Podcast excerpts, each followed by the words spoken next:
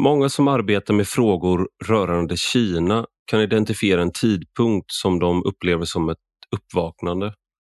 När de insåg att Kina förmodligen är den viktigaste utrikespolitiska frågan för hela västvärlden. Uppvaknandet handlar också om en omvärdering av hur man ser på västvärldens engagemang i Kina. För vi hade väldigt många en förhoppning om att handel och ömsesidigt beroende skulle påverka Kina i en mer demokratisk riktning. Genom att släppa in Kina i Världshandelsorganisationen 2001 skulle de också anpassa sig till våra värderingar. Idag är det få som har kvar den förhoppningen. Det är snarare vi som har anpassat oss till Kina än tvärtom. Detta handlar dagens podd om. Och med mig för att prata om detta har jag journalisten Jojje Olsson som är en av de främsta Kina-experterna som vi har i landet. Fast han är inte i landet tekniskt sett då, utan han bor i Taiwan sedan 2016 och innan dess bodde han i tio år i Peking. Och jag är extra glad att få hit honom eftersom han var en av dem som jag inspirerades av när jag drog igång Rak Höger. Han driver nämligen kinamedia.se som är den främsta nyhetssidan på svenska för nyheter om Kina. Men kanske främst för mig då så var det hans nyhetsbrev Kina Media Premium som man får en gång i veckan som var ett av skälen till att jag själv började med nyhetsbrev. Och Det kostar en slant för att få ta del av nyhetsbreven men det har det verkligen varit värt för mig. Allt som rör Kina tror jag kommer bara bli ännu viktigare att ha koll på framöver. Och då är guider som Jojje Olsson som behärskar språket och förstår landet värda sin vikt i guld. Men nu ska jag sluta prata om Jojje Olsson och så ska ni få höra honom prata istället. Du lyssnar på Rak Höger med mig, Ivar Arpi.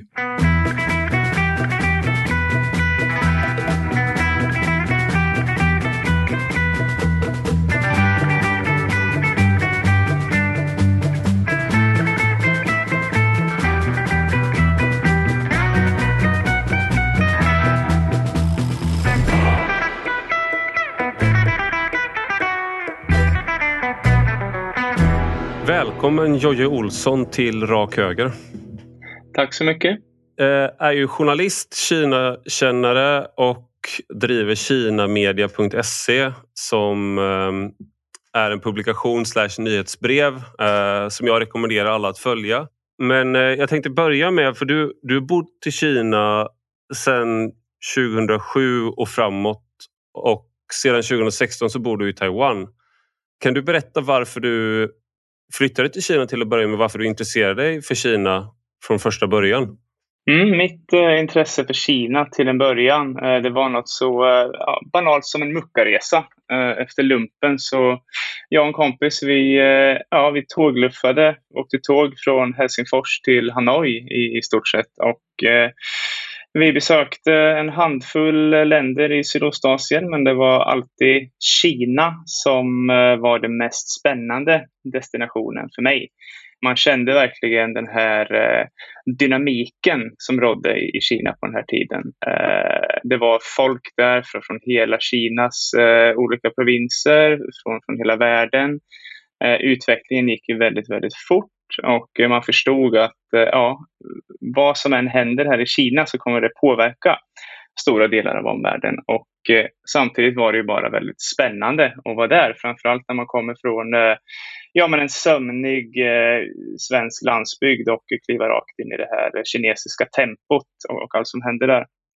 Eh, sen eh, den här eh, resan då, när den var slut 2004, då hade jag redan kommit in på universitetet i Linköping där eh, jag läste kulturvetenskap med inriktning på historia. Och eh, då var jag så intresserad av Kina så jag beslutade mig för att eh, skriva mina examensuppsatser om Kina. Det var om kulturrevolutionen och massakern vid Himmelska fridens torg. Mm. Sen så vann jag en flygbiljett till Kina eh, när jag lämnade in en av de här uppsatserna till en eh, tävling som eh, en gammal Kina-portal, eh, svensk sida som inte finns längre, eh, anordna. Mm. Och eh, ja, då tänkte jag så här att ja, nu eh, har jag möjligheten att åka till Kina, men istället för att bara eh, resa så spenderar jag en termin där och eh, pluggar kinesiska i Peking. Och det var precis vad jag gjorde 2006. Men det var så spännande helt enkelt så ja, jag har inte slitit med sen, sen dess då, så att säga. Och när jag pluggade kinesiska så blev man ju ännu mer, vad säger jag, nyfiken och fascinerad av den här utvecklingen som pågick och tänkte att det här är verkligen någonting som jag skulle vilja berätta om eh, mm. för svenskar i form av journalistik. Eh, så jag eh, pluggade faktiskt ett halvår på JMG i Göteborg, Journalisthögskolan, efter mm. att jag hade pluggat kinesiska i Peking och det var då 2008. Eh, min tanke var då att plugga där i två år och eh, sen åka tillbaka till Kina och försöka bli korrespondent för eh, ja, något av de svenska eh, mediebolagen eller, eller kanske frilans i alla fall först en journalistexamen i, i Sverige och sen tillbaka till Kina. Mm. Men eh, efter att jag hade pluggat på JMG ett halvår så märkte jag att det gav inte mig särskilt mycket för att det var väldigt inriktat på eh, hur man rapporterar om Sverige. Hur rapporterar man om svensk politik, eh, ja, kommunpolitik, svenska val och så vidare. Det var nästan inget fokus på utrikesrapportering och i den mån som det fanns då handlade det oftast om ja, men USA eller EU. Eh, mm. Eller inte Asien alls. Så jag tänkte att om jag går här i två år så det är lite ja, lite motsatsen mot vad jag egentligen skulle vilja göra. Så jag började titta mig om efter alternativ. Och Eh, då hittade jag en journalistutbildning i eh, Hongkong, en magisterutbildning som eh, var specialiserad på att rapportera om Kina. Okay. Så då beslutade jag mig helt enkelt för att sluta på JMG och eh, först åka till Peking och frilansa i ett halvår för att spara ihop lite pengar. Och eh, sen då sommaren 2009 så åkte jag till Hongkong där jag pluggade journalistik i ett år och 2010 så åkte jag tillbaka till Peking som för mig alltid har varit den mest intressanta staden i Kina, framförallt som journalist. För att eh, ja, det är politiskt och kulturellt centrum och eh, Just det, och din, en... Eh, din sajt hette In Beijing väl först? Mm, det är korrekt. Den eh, startade jag till en början 2010 och då hette den In Beijing. Mm. Eh, och det var ju då för att jag, för att jag bodde där. Och ja, det har ju studenter, diplomater, konstnärer, politiker. Det var en väldigt eh, stimulerande miljö då, så att säga. Mm. och sen dess då, 2010 så har jag jobbat ja, på heltid för svenska medier som frilans och även skrivit en handfull böcker och Eh, driver nu då Kina Media som du nämnde tidigare.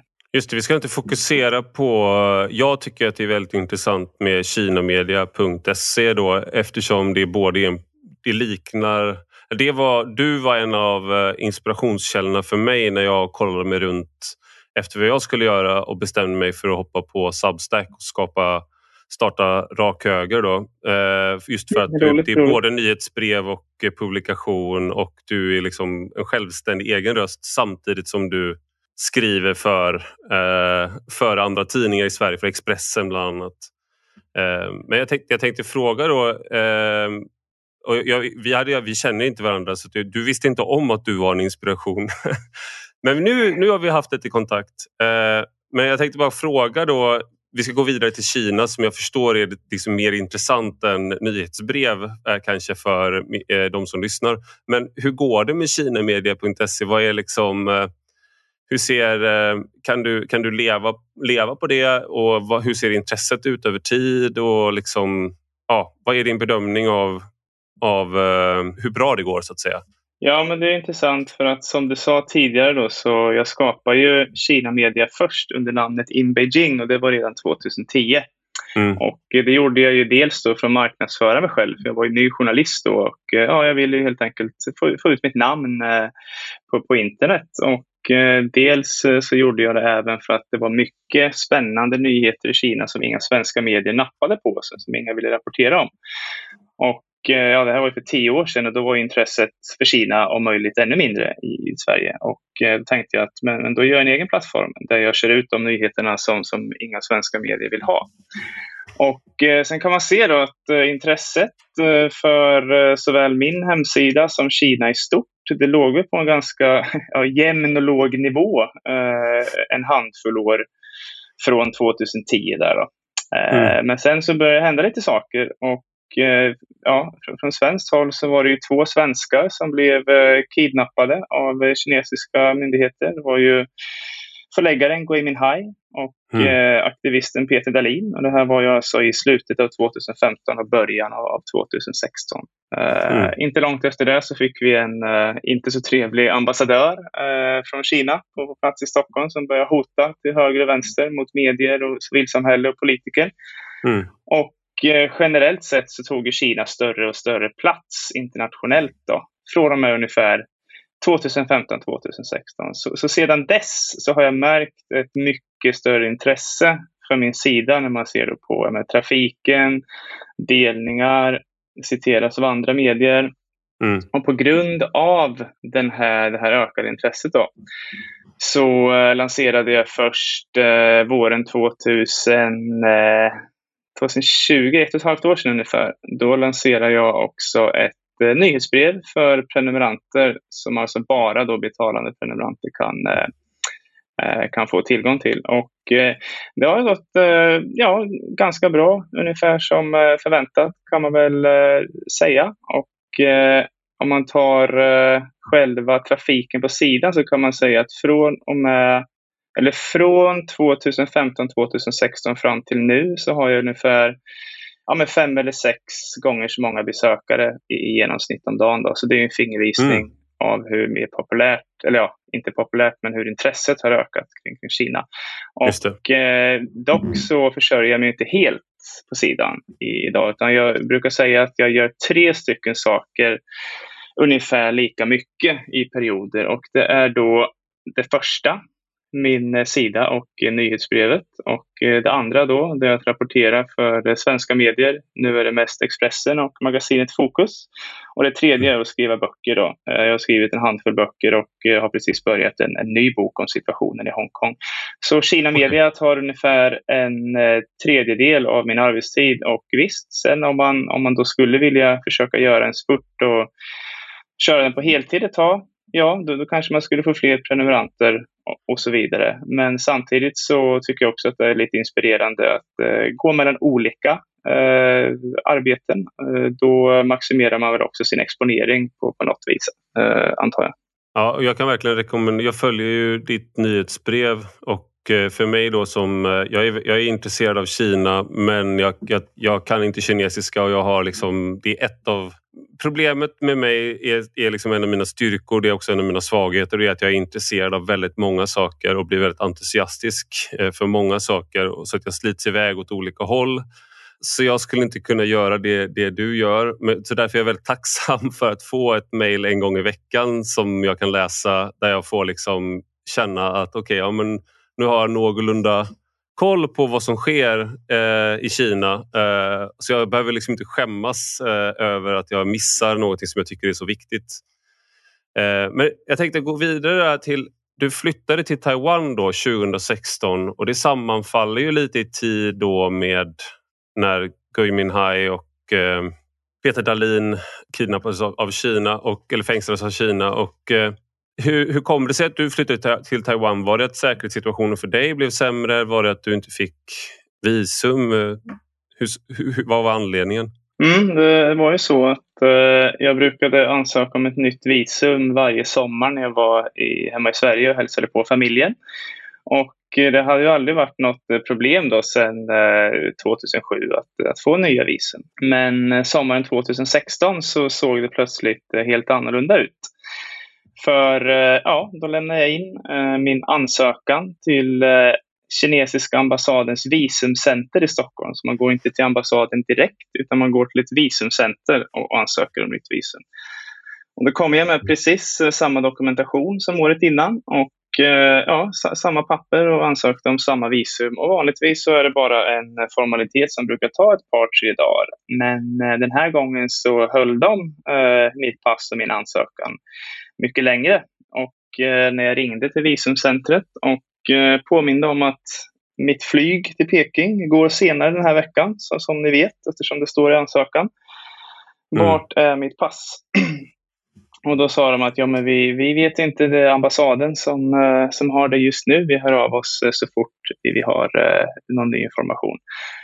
Och sen samma dag som jag skulle flyga tillbaka så hade jag fortfarande inte hört någonting från visumcentret. Och då började jag verkligen ana ugglor i mossen så att säga. Och eh, ringde igen till visumcentret och, och de sa att eh, nej, det ser ut som att, eh, som att du in... vi har inte hört någonting från ambassaden. Det ser ut som att ditt visum inte kommer bli godkänt. Och mm. Eh, som journalist i Kina så vet man alltid att det finns en viss risk för att sådana här problem uppstår. Så varje gång jag ansöker om ett nytt visum så har jag då som en säkerhetsventil har jag eh, en inresa kvar i mitt gamla visum. Så att om någonting skulle gå fel så kan jag åtminstone ja, men åka tillbaka till Peking och ställa ur min lägenhet, eh, säga hej då till, till, till mina vänner och, och så vidare. Mm. Eh, och, och, då frågade jag mycket riktigt då, eftersom nu förstod jag att jag inte skulle få något, ett nytt visum. Och då frågade jag på visumcentret, eh, visumcentralen, frågade hur kan jag göra för att få tillbaka mitt pass? Och då sa de att då måste du avsluta din eh, ansökan. Så då eh, sa jag det, men okej, okay, då avslutar jag min visumansökan och då berättar de att mitt gamla visum också kommer bli makulerat. Eh, så inte bara nekar de den nya ansökan utan de makulerar också det, det gamla visumet. Då. Och okay. då kunde jag förstås inte åka tillbaka till, till Peking. Så frågade de på visumcentralen eller visumcentret som det heter, när jag åkte upp och hämtade mitt pass, eh, vad som var anledningen till det här. Och eh, då sa de att, eh, ja, något kryptiskt, och så sa de att ja, men det är väldigt få svenskar som får sitt visum till Kina nekat, så om det, om det händer så vet du säkert själv vad det beror på. Okej, okay, och de, de, som jobbar på vis, de som jobbar på visumcentret då, är det alltså kineser eller eh, vad är svensk, svenskar? Vad, vad, är det för människor som jobbar där? Det är lokalanställda. Det kan okay. vara, oftast är det kineser med någon form av eh, svensk koppling eller så kan det vara svenskar okay. med Kina-koppling. Men, men mm. de sa i alla fall till mig då att eh, ja, de förklarade då att det inte är vi som tar beslutet, det är ambassaden som tar beslutet. Så om du vill veta varför, då måste du ringa dit. Och eh, då ringde jag till ambassaden och, och frågade vad som låg bakom det här beslutet och då sa de att vi vet inte. Det här är ett beslut som har fattats i Peking, sa en kvinna på ambassaden. Ah, okay. Så då förstod jag ju då att eh, ja, det blev väldigt svårt för mig att, att fortsätta bo i Kina överhuvudtaget. Eh, mm. Men icke desto mindre så vill jag ju tillbaka och eh, hämta upp mina grejer. Min, min flickvän bodde i Kina då. Vi bodde tillsammans mer eller mindre. Ja. Och, jag hade alla mina vänner där. Jag bodde på samma gata i fem sex år det är klart att jag vill eh, komma tillbaka och, och eh, ordna upp lite saker. Ja. Men eh, i mitt eh, pass då, så var det ju en stor stämpel där det stod ja, visumansökan nekad. Och eh, mm. då gjorde jag så att jag ansökte om ett nytt pass. Väntade ett par veckor, åkte till Hongkong med det nya passet och eh, ansökte då om ett turistvisum. Ett en, ja, månadslångt turistvisum som då är det enklaste visumet som, som man kan ansöka ja. om. För att jag hade då fått tips att eh, de här eh, systemen i, i, Sverige och i Hongkong de kanske inte är synkroniserade så det finns möjlighet att om du åker dit med nytt pass så kan du få ett turistvisum och så vidare. Men det blev också nekat. Eh, så då hade jag då nekats vis, två olika visum med två olika pass i två olika länder på väldigt kort tid. Så förstod jag att eh, ja, det finns nog ingen möjlighet att åka tillbaka och även om jag åker tillbaka så vore det inte särskilt eh, säkert heller mm. för mig personligen. Och eh, ja, jag ville ju vara kvar och rapportera från den kinesiskspråkiga regionen så att säga. Mm. Och då fanns det i stort sett bara två val och det var ju Taiwan eller Hongkong. Och Hongkong som sagt hade jag bott i tidigare. Jag hade massa vänner där, kontaktnät av journalister, men redan då så kunde man se vart Hongkong var på väg. Eh, mm. Två år innan, 2014, så hade de haft de här stora eh, som kallas då paraplyrevolutionen, de här stora protesterna. Och eh, den här, eh, som jag säger, repressionen från kinesiska myndigheter eh, hade redan påbörjats. Och det är inte optimalt att stanna på en sån plats om man redan har problem med sitt visum i Kina. Så mm. då valde jag istället att flytta till Taiwan. Så på den vägen är det. Det här är ju du är ju en av de Kina-experter som eh, den kinesiska staten har intresserat sig för, eh, så att säga. Inte så trevligt sätt. Det är ju inte bara att du har nekats visum då, utan i våras, som är väl den senaste händelsen jag känner till i alla fall, eh, och det här skrevs om i Expressen också, då uppmanades du av den kinesiska ambassaden i Sverige att avsluta din rapportering eller inom citat då, möta konsekvenserna av dina handlingar. Vad handlade det om och hur hanterar du det där? Ja, det här är inte första gången som den kinesiska ambassaden så att säga pekar ut mig. Eh, det hände redan sommaren 2017 och mm. Eh, då, då hände det genom att eh, de publicerade ett så kallat ja, men press statement på deras hemsida, kinesiska ambassaden. Där de då hängde ut mig på grund av att ja, de tyckte att jag hade skrivit någonting som var ohederligt och eh, de sa att jag är ohederlig också i och med att eh, eh, det här med, med, visum och jag skriver det här i någon slags eh, hämndaktion och jag är inte en seriös journalist för då hade jag kunnat få visum. Det var hela det här att man försöker svartmåla personen liksom. Eh, mm. Och eh, sedan dess så har ju den kinesiska ambassaden varit väldigt aktiv att på sin hemsida hota, hänga ut, kritisera eller anmärka på eh, ja, men meddelanden eller uttalanden från journalister, civilsamhälle och politiker. Men, men jag var den, den första som eh, råkade ut för det. Och det är mm. klart att den första gången då, då blev man ju, här, fick man ju lite... Ja, exakt. eh, och det var ju då eh, inte långt efter att den här kinesiska ambassadören tillträdde som, som blev ökänd för att han, eh, ja, men för att han var så hökaktig helt enkelt och så aggressiv. Eh, mm. Han som för övrigt nyss har avgått, men, men det är ju det är en annan historia. Så den första gången det hände, då fick man en liten klump i magen och tänkte att jaha, vad ska hända nu? Kommer det stå någon eh, torped utanför huset eller kommer de liksom följa efter mm. på Taiwan? Eller, eller vad, vad kommer ske? Liksom? Så det var ju lite olustigt. Då, men, eh, mm. Det hände liksom ingenting eh, kan man säga, personligt sådär, eh, vare sig fysiskt eller, eller digitalt, eller hur man ska säga. Och, eh, I takt med att man eh, blev uthängd ett par gånger till så tyckte, började man nästan tycka att eh, det blev lite komiskt. Man blev ja, nästan lite avtrubbad, eller vad, vad mm. man ska säga. Då. Men ungefär för, för ett år sedan så eh, bytte ambassaden taktik för att eh, ja, bland annat så kom det en rapport från tankesmedjan Frivärd som kartlade de här hoten på hemsidan och eh, ja, men målade ut den här strategin då, så som Kina försökte använda för att tysta kritiker. Så för, för ett år sedan ungefär så började man istället skicka mejl mm. till kritiker direkt istället för att hänga ut dem på, på hemsidan. Och det var ett sånt mejl som, som jag fick då tidigare i år. Och eh, som sagt, då, sådana mejl har jag fått Eh, två gånger. Vid ett tillfälle fick jag bara ett mejl och vid ett annat tillfälle fick jag ett par, tre mejl från ambassaden. Och eh, mm. precis som du sa så var ju de här formuleringarna var ju mer hotfulla eh, mm. än vad de har skrivit ut på hemsidan. Eh, och det är precis då sådana formuleringar som gör att ja, men ambassaden håller sig inom lagens gränser. De kan inte säga att eh, nu ska vi åka och döda dig, liksom, för det hade varit olagligt. Mm. Så eh, istället så, så, skriver de då i, i mejlet att eh, ja, den som eh, kastar smuts på andra kommer också få sina egna händer skitiga och, och eh, sådana där eh, slags metaforer, då, liksom, paralleller som mm. man försöker hota med. Och det är klart att det är också lite olustigt. Men eh, ja, det är ju å andra sidan inte särskilt eh, mycket, eh, mycket annat man kan göra än att eh, vänja sig vid det och försöka se det som en slags eh, desperation från, från kinesiska myndigheter. Så det är i alla fall från den kinesiska ambassadens eh, sida. För att eh, ja, under den ambassadören då så misslyckades man ju verkligen med att eh, ja, vinna förtroende eller vänner bland, bland alla samhällsskikt i, i Sverige. Så man får se det som att eh, deras frustration är ett slags eh, tecken på, på deras misslyckande.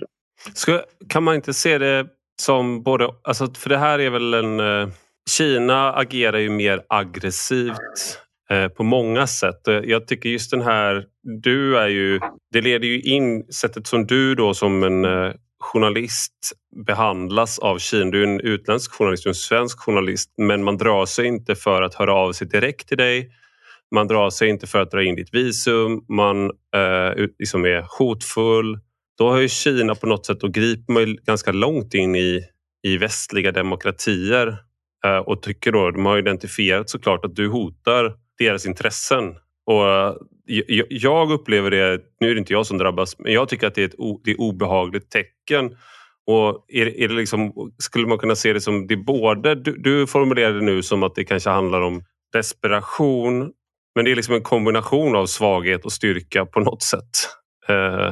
Jo, men, jo, men du har helt rätt där. För att, uh, dels kan man se det som en desperation. Man kan också se det som att uh, den kinesiska ambassadens syfte med att uh, hänga ut mig på deras hemsida, uh, mig och andra journalister, jag ska tilläggas, så det är inte bara jag som har drabbats, men uh, att hänga ut på hemsidan och, och sen skicka de här hotfulla mejlen, det är ju inte, syftet är ju inte nödvändigtvis primärt att skrämma mig, utan syftet är att framkalla självcensur, som är den allra effektivaste formen av censur. Eh, om då andra journalister eller akademiker eller organisationer eller affärsmän läser på kinesiska ambassadens hemsida, eh, i svenska medier och så vidare att eh, Kinas ambassad, alltså kinesiska myndigheter, de har hotat mig för att jag har sagt X och Y. Då kommer de här personerna dra sig för att säga X och Y för att i sin yrkesroll så är de beroende av eh, att ha tillgång till Kina. Och det finns mm. otaliga exempel på inte bara journalister utan även akademiker, organisationer, politiker, eh, affärsmän, företag som har fått sin tillgång till Kina begränsad efter att de har sagt någonting som inte då faller regimen på, på läppen. Och mm. jag vet själv, eh, mycket tidigt under den tiden jag var i Peking så fick jag berättat för mig från eh, anställd vid eh, ett av Sveriges största mediebolag att eh, eh, när vederbörande var på plats i Peking så pågick en viss självcensur därför att vederbörande ville inte ha problem med visumet. Så det här är någonting som funkar, absolut. Så det var, en sven- var det en svensk journalist som, ja, som ja, idkade ja. självcensur för att inte bli utslängd från Kina? Liksom? Precis. precis. Ja. Och, eh, det här är någonting som är mycket vanligare än eh, man tror. Mm. Eh, och sen då bara för att tillägga här att eh, du nämnde det här med, med Grayman High och eh, klart att eh, den jag fick höra en officiell förklaring till varför mitt visum nekades. Eh, för att då hade det kunnat användas emot kinesiska myndigheter och säga att ja, men de mm. svartlistade den här journalisten för att han skrev det här. Utan Eh, vad jag då är övertygad om att det här beror på, det är just att jag har rapporterat om eh, ja, främst High men även Peter Dahlin för att mm. jag skrev ju bara på svenska. Och eh, i alla fall på den tiden så eh, kontrollerade kinesiska myndigheter bara vad som skrevs på engelska och kinesiska, ett litet språk som svenska tänker man att där går de liksom inte att jaga folk för vad som säger och skrivs för det finns ingen, mm. ingen impact ändå. Men sen så eh, när Gui Minhai blev kidnappad då blev det här en internationell stornyhet och eh, när det händer något i ett litet land som, som Sverige som blir en internationell stornyhet Ja, då börjar man titta närmare på vem säger vad, skriver vad om det här eh, på, på svensk mark. Så eh, jag är övertygad om att, att det handlar om det, för att det exemplet har vi sett i andra länder också. Och Det här med Gui Minhai, för att påminna folk, han blev alltså kidnappad när han var i Thailand. Så att han, det, var, det var ju ett exempel på när den kinesiska staten sträcker sig utanför liksom, sitt lands gränser för att eh, tysta eller straffa eh, dissidenter eller, och sådär. Och sen förde mm. de tillbaka honom till, eh, till Kina och han fick mm. väl ett tioårigt fängelsestraff. Men nu har det väl gått... Jag tror du skrev det här i ditt senaste nyhetsbrev så att det är så att jag upprepar nu det du har skrivit som jag har läst. Men ja. att han, eh, man har inte sett något eh, livstecken från honom på tre år. Det stämmer bra. Och det, det, där är ju, det finns ju en aspekt till här för nu pratar vi om eh, du är journalist och sen så handlar man att man då liksom, du har en ambassadör som angriper fria medier i eh, västliga demokratier och det handlar inte om okunskap utan det handlar om en maktspråk och det handlar om att eh, förändra beteendet hos, hos journalister och hos eh, politiker och, och, och, och, potentiella kritiker. Men det finns ju också då en annan aspekt här och det är hur företag beter sig som verkar i Kina. Eh, och en sån eh, sak som var intressant då är det här som också har med det att göra. Det var ju när du, eh, ditt LinkedIn-konto stängdes ner i Kina. Men det är ju ett amerikanskt företag tänker jag. Så, mm. så hur går det där till? Är, är det där liksom ett tecken också då på hur Kina så att säga får företag att gå deras ärenden så att säga? Just i det här fallet vad gäller stora västerländska internetföretag så kan man se att det här som ett tecken snarare på hur de har skrämts iväg av kinesiska myndigheter. Eh, LinkedIn mm. var ju det sista företaget, det sista stora västerländska sociala medieplattformen på, på plats i Kina. Så det är lite mer som ett, ett lik som sprattlar till sådär lite grann bara. Eh, mm.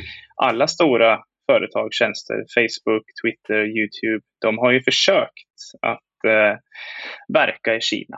Google också förstås. Eh, men alla de här eh, har ju då tvingats lämna Kina och det beror ju på att man har försökt att eh, kompromissa med kinesiska myndigheter som har tagit hela armen när de har fått ett finger. Att de bara ökar de här kraven som de har på, på censur och samarbete. Och LinkedIn som sagt var ju det sista, sista stora plattformen som var på plats i Kina. Och ja, det har ju skett då genom att 2014 när de flesta andra stora plattformar redan hade lämnat så uh, ingick LinkedIn ett samarbete med ett uh, lokalt uh, bolag, ett riskkapitalbolag som jag helt enkelt hade bra kontakter med myndigheterna och skulle hjälpa LinkedIn som någon slags mellanhand att censurera inlägg och material, information som kinesiska myndigheter då skulle ja, anser vara stötande eller, eller farligt eller subversivt eller vad det nu må vara.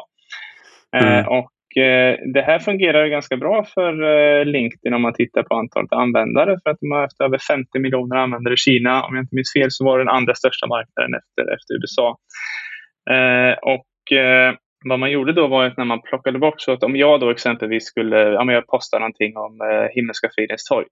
Mm. Då plockas den då plockas det inlägget bort för kinesiska användare medan utländska användare fortfarande kan se inlägget. Så att det är någon slags, eh, ja men, inte, inte dubbelplattformlösning, men inne i plattformen så har man en version av information som går till Kina och sen en version av information som går till resten av världen. Och eh, det här fungerade ganska bra för LinkedIn som sagt ända tills Kina Eh, tidigare i år eh, återigen då, skärpte sina krav.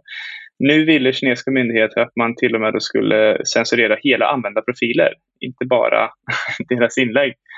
Eh, och eh, jag var en av de första som drabbades av det här tillsammans med en eh, rad andra journalister och akademiker som i våras, det var maj eller juni, så fick vi ett mejl där det stod att ja, vi har identifierat ett, eh, ett problem här med, med din profil. Och eh, i mitt fall så var problemet att eh, under den här kategorin utbildning så hade jag skrivit med att jag hade skrivit en uppsats om Himmelska fridens torg på universitetet. Och, var, det den du fick, var det den du fick en ja. biljett till Kina för?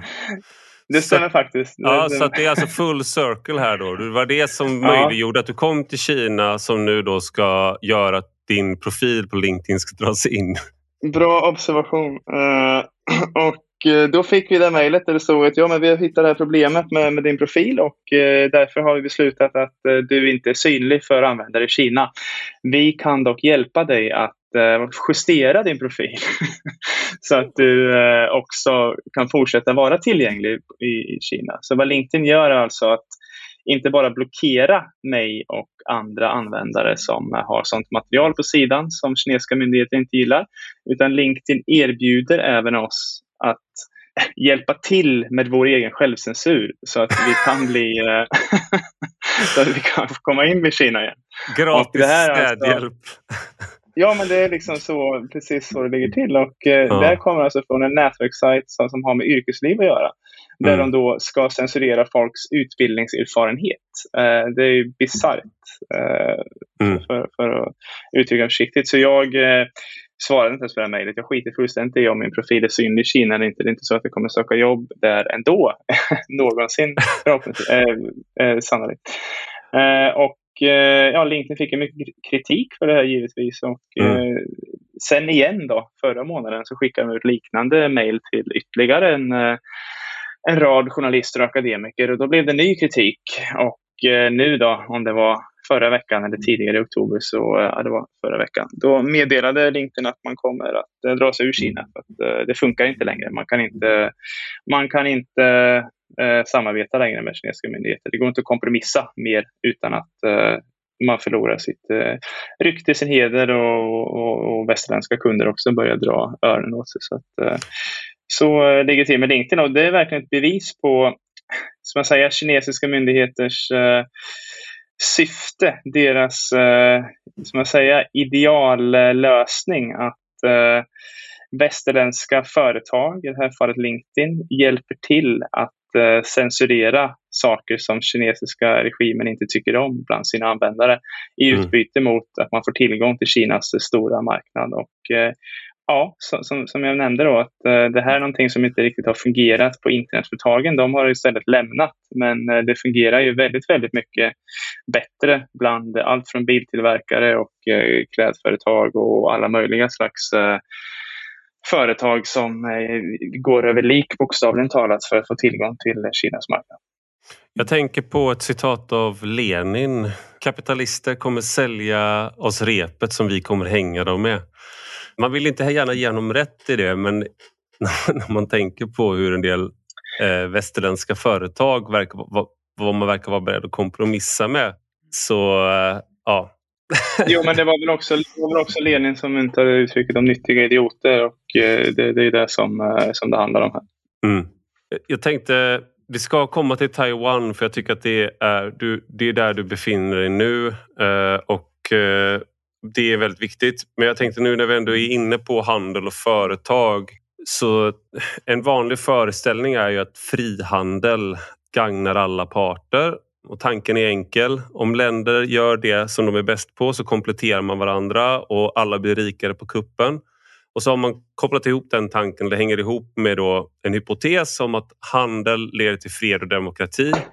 Förvisso gick det inte så bra eh, innan första världskriget men eh, det är i alla fall den tanken man har att om vi handlar med varandra Eh, och om vi får länder att bli marknadsekonomiska och handla med oss i väst så kommer de också att demokratiseras i takt med att de blir rikare. Det är liksom så man har tänkt.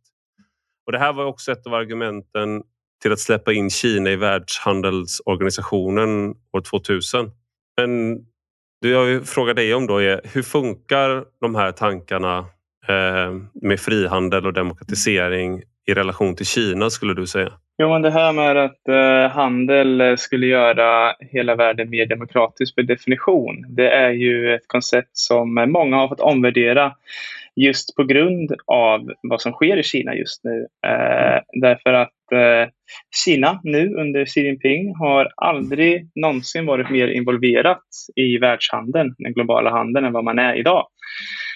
Eh, men ändå så har landet tagit en auktoritär riktning på, på alla sätt och vis de senaste fem åren. Eh, det här är ju en väldigt eh, bekväm eh, formulering att gömma sig bakom, framförallt för företagare, affärsmän som vill ha tillgång till den kinesiska marknaden. Men även bland politiker som vill undvika konflikt med Kina, som inte vill stöta sig med Kina och riskera då att man förlorar väljare därför att ja, företag i ens land får, eh, får ta konsekvenserna av de här politiska uttalandena som man, som man gör. Så att eh, det har ju länge varit eh, den här föreställningen, eh, även efter massakern vid Himmelska fridens torg som var 1989 så trodde man att ja, men det kanske går bättre den här gången eh, om vi bara fortsätter handla lite mer.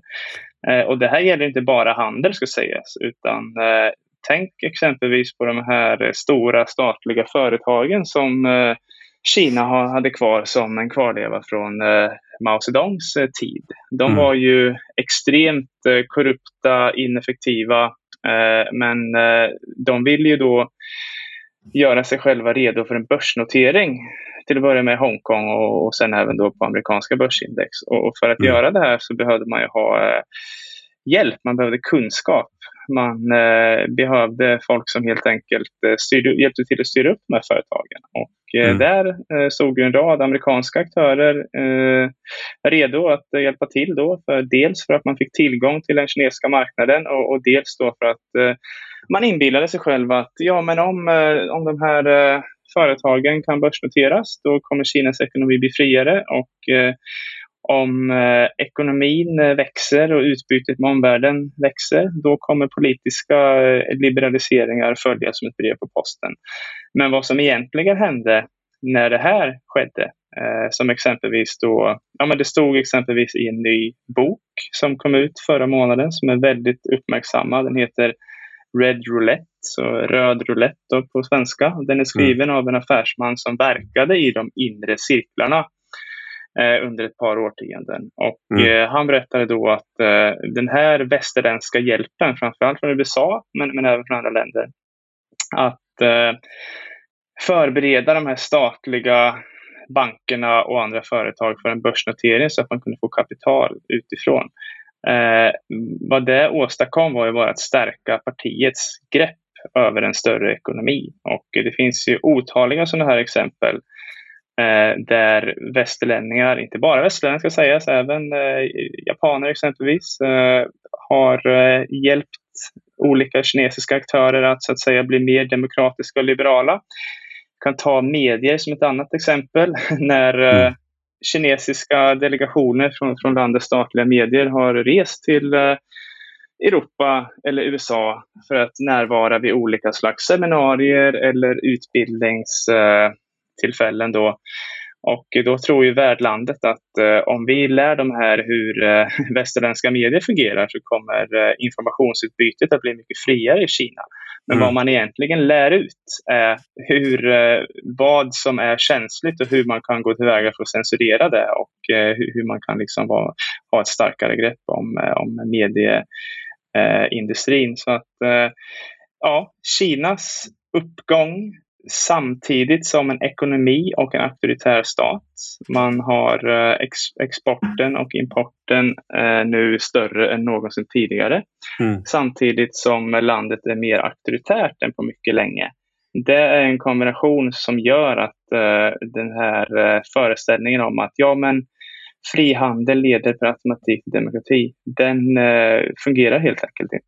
Jag tänker också hur någonting, om man då tar frihandelstanken, då är ju tanken att det är på jämbördiga villkor. Alltså frihandel, när den här tank, tanken om att man ska komplettera varandra bygger ju på att, så att säga inom EU, ett exempel där man då inte har tullar mellan länderna och liknande. Så där, där kan du ha det argumentet att vi kan komplettera varandra och göra saker och ting eh, bättre inom EU på grund av att vi har, fria, vi har en liksom enhetsmarknad och sådär.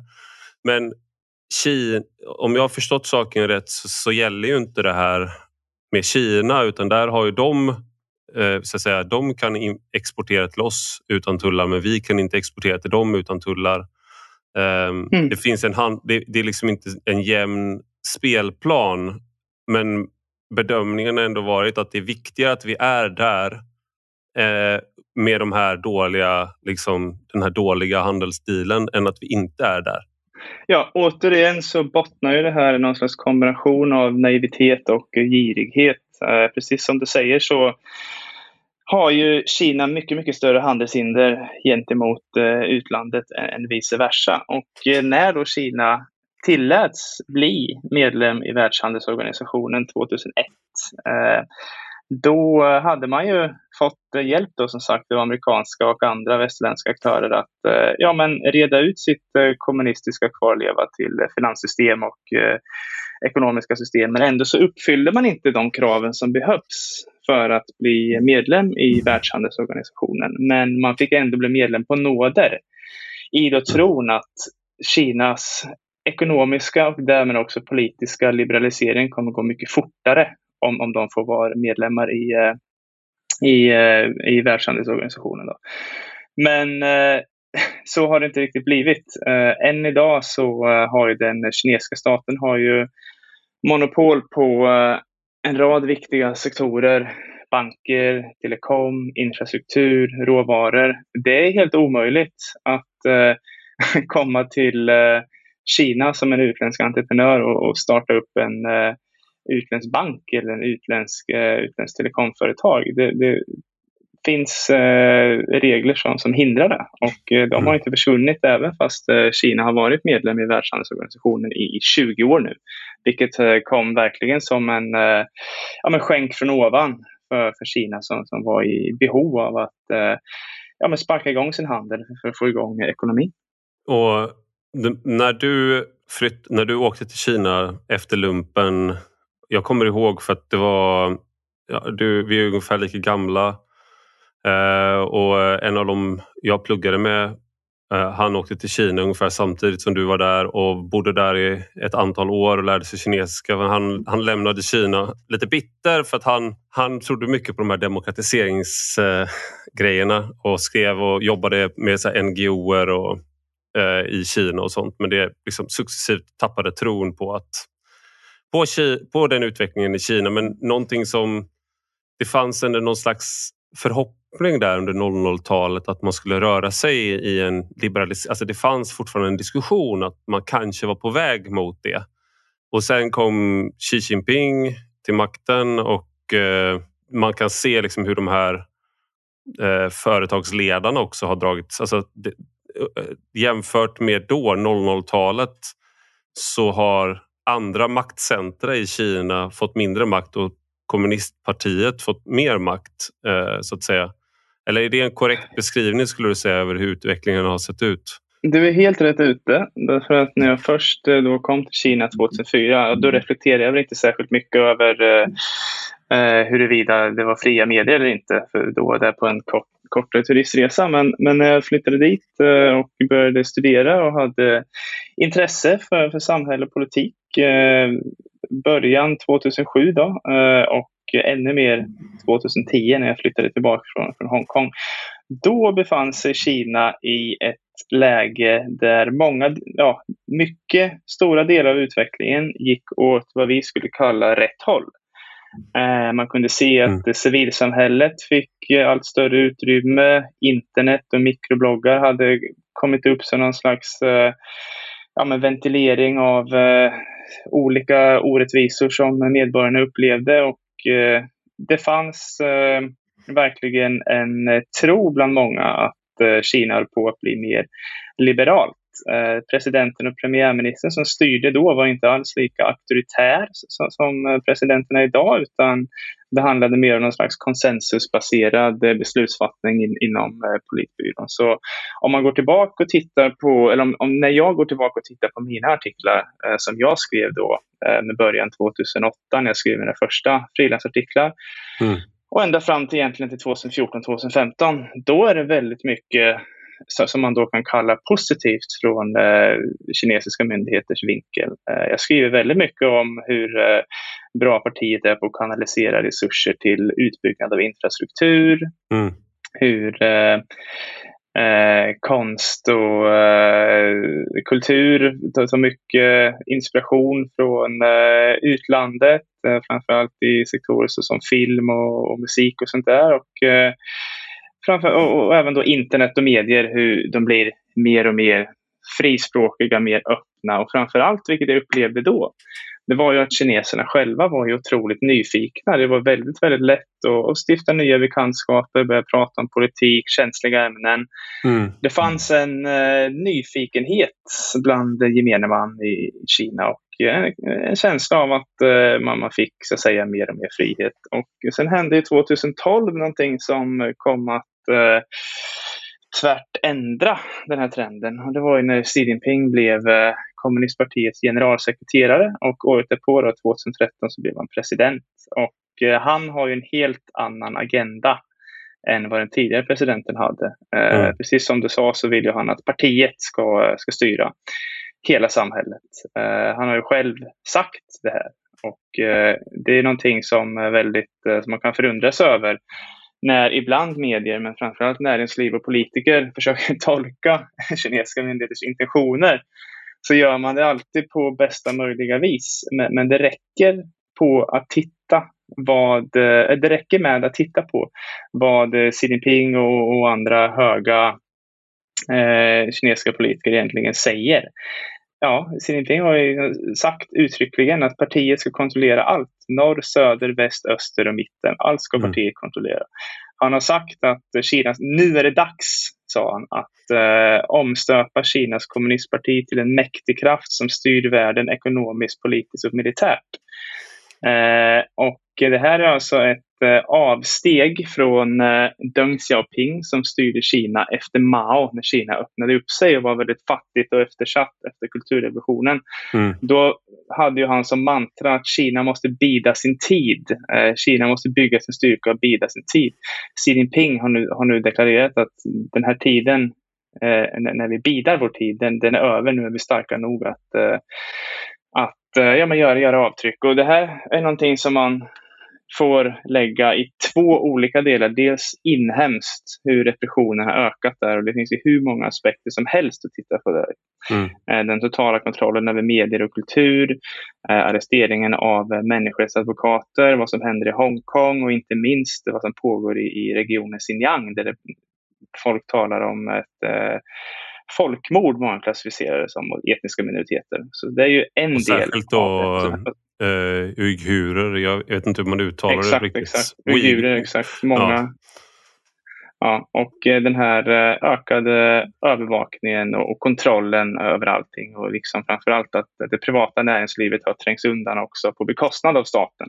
Mm. Och det är en del. Och sen den andra delen är den utrikespolitiska där Kina tar mycket, mycket större plats än, än, tidigare också. Och eh, det innefattar ju en eh, de facto ockupation av eh, Sydkinesiska havet, mm. militära hot mot, mot, Taiwan och en ständigt ökande påverkan eh, mot, mot andra länder. Och visst, det går ju alltid då som många affärsmän eller antagonister gör och säger, men USA då, de, de påverkar ju också. Mm. Mm, det är klart att de gör det, men här handlar det om eh, världens största eh, auktoritära regim som har som uttalad målsättning att sprida sitt, sitt eh, statsskick till, till andra länder. Och det är annorlunda. Det är klart att USA också oerhört ofta gör snedsteg. Men de har inte som uttalad ambition att sprida ett system som styrs av en man, ett parti som inte tolererar någon kritik överhuvudtaget och som vill se en världsordning där, där man själv eh, sätter agendan. Jag tänker med USA eller med Kina varför man är så benägen att ge dem eh, att inte vilja se de här, eller man är obenägen att att se den här förändringen, att det är också för att det, det gör ont. För att man efter 1989, murens fall, eh, östblocket som blev demokratiserades ehm, och sen då den här positiva andan av frihet, globalisering som en positiv kraft och särskilt inom högern har det funnits en sån tanke. Och då att man då ska liksom plötsligt se att den här satsningen vi har gjort på Kina och den här investeringen, att företagen är närvarande där, att man då ska börja omvärdera det där, det, in, det leder ju till ett, att ens ideologiska grundsatser delvis måste omvärderas också, tror jag att många tänker. Finns... Och sen te, te, finns det mm. en annan aspekt här där Kina har, det är det ena, sen så det här att ett, ett, en grundargument för eh, kapitalism och marknadsekonomi är att man säger att titta nu hur mycket rikare världen har blivit på grund av eh, kapitalism och, eh, och hur mycket bättre det har blivit de senaste liksom, decennierna. Och det man, mm. Väldigt mycket av det är Kina och eh, fattiga kineser som har blivit rikare. Tar man bort dem ur den ekvationen så försvinner mycket av förbättringen. Jag säger inte att all, jag, har inte, jag har inte siffrorna framför mig men jag tror att båda de här sakerna gör att det är det, att det är plågsamt att, försöka, att, att behöva omvärdera Kina på ett rent ideologiskt plan. Eh, jag vet inte, vad tänker du om det? Det finns ju alltid en svårighet att erkänna sina egna felaktigheter givetvis. Det är många som har investerat inte bara sitt eh, politiska kapital eller sitt förtroendekapital på att Kina ska utvecklas i, i vad vi kallar då rätt riktning. Och det är klart att då går man ju till yttersta längder för att eh, hålla fast vid argumentationen att men det blir nog bättre snart. Det, det är på väg att bli bättre. När, när, när Xi Jinping först eh, ja, tog kontroll över hela privata näringslivet på ett vis som vi inte har sett sedan Mao Zedongs eh, dagar. Då sa folk att jo, men han, han tar kontroll nu för att det ska bli lättare att införa reformer. Han måste kontrollera innan han reformerar. Och det, det är sådana det är sådana ursäkter som jag hör från eh, liksom, ledande svenska företagare på plats i, i Kina liksom, och europeiska handelskammare och så vidare. Mm. Eh, med, det, med det ska sägas att de senaste två åren ungefär, två, tre åren, så har det skett ett uppvaknande. Eh, mm in, inte nödvändigtvis främst inom näringslivet, men, men, flera företag har också reagerat. De vill inte köpa material eller varor som är gjorda av etniska minoriteter som, måste slavarbeta. Eh, klimataspekten är också en eh, del av det här. Man vill inte köpa varor som framställs bara av eh, smutsigt kol. Eh, om vi tittar på politiskt, eh, politiska eh, dimensionen så kan vi se ännu större förändringar, framförallt i USA, men även inom EU, eh, Europaparlamentet och och eh, alla resolutioner som man har tagit emot vad Kina kallar då sina kärnintressen. Och, det här är någonting som har skett de senaste två åren. Så, det finns en viss, eh, en viss omvändning här. Men, men, folk har ju vaknat till det här väldigt sent. Och det beror ju på den här kombinationen av naivitet och eh, girighet så, som alltid har eh, drivit eh, framförallt folk som även har egenintresse då och investerat eget. Eh, antingen eh, monetärt kapital eller förtroendekapital i den här frågan. Att man eh, försöker hålla fast vid det här hoppet så länge mm. som möjligt, även när det ser hur mörk som, som, som helst ut. För att eh, det har varit väldigt tydligt för alla som har velat se eh, åt vilket håll eh, utvecklingen, utvecklingen går. Och sen finns det även en dimension om det här att ja, men vad har vi för rätt att eh, kritisera Kina? Är det bara för att de inte är västerländska och vita? Eller ska vi kritisera deras modell för att de inte är som oss?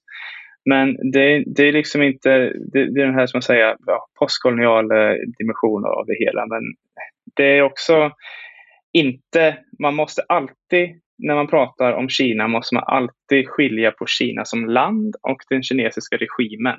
Mm. För att om det är någonting som kommunistpartiet vill göra inom sin propaganda så är det att likställa sig själv med nationen. Om du kritiserar Kinas kommunistparti, ja då är du Kina-fientlig. Mm. Om du har invändningar mot hur, Kina, hur kinesiska myndigheter eh, styr eh, landet eller hur, hur de agerar utrikespolitiskt, ja då är du xenofob. Då, då är mm. du, det används till och med ord som rasist och främlingsfientlig och så vidare. Så det är ett kort som kinesiska myndigheter också spelar på.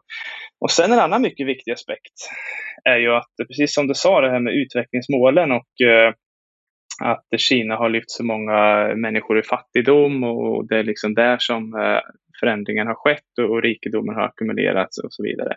Det är också någonting som kinesiska myndigheter vill ta åt sig äran av, givetvis. Mm. De vill ju säga att eh, kinesiska myndigheter har lyft 800 miljoner personer ur fattigdom.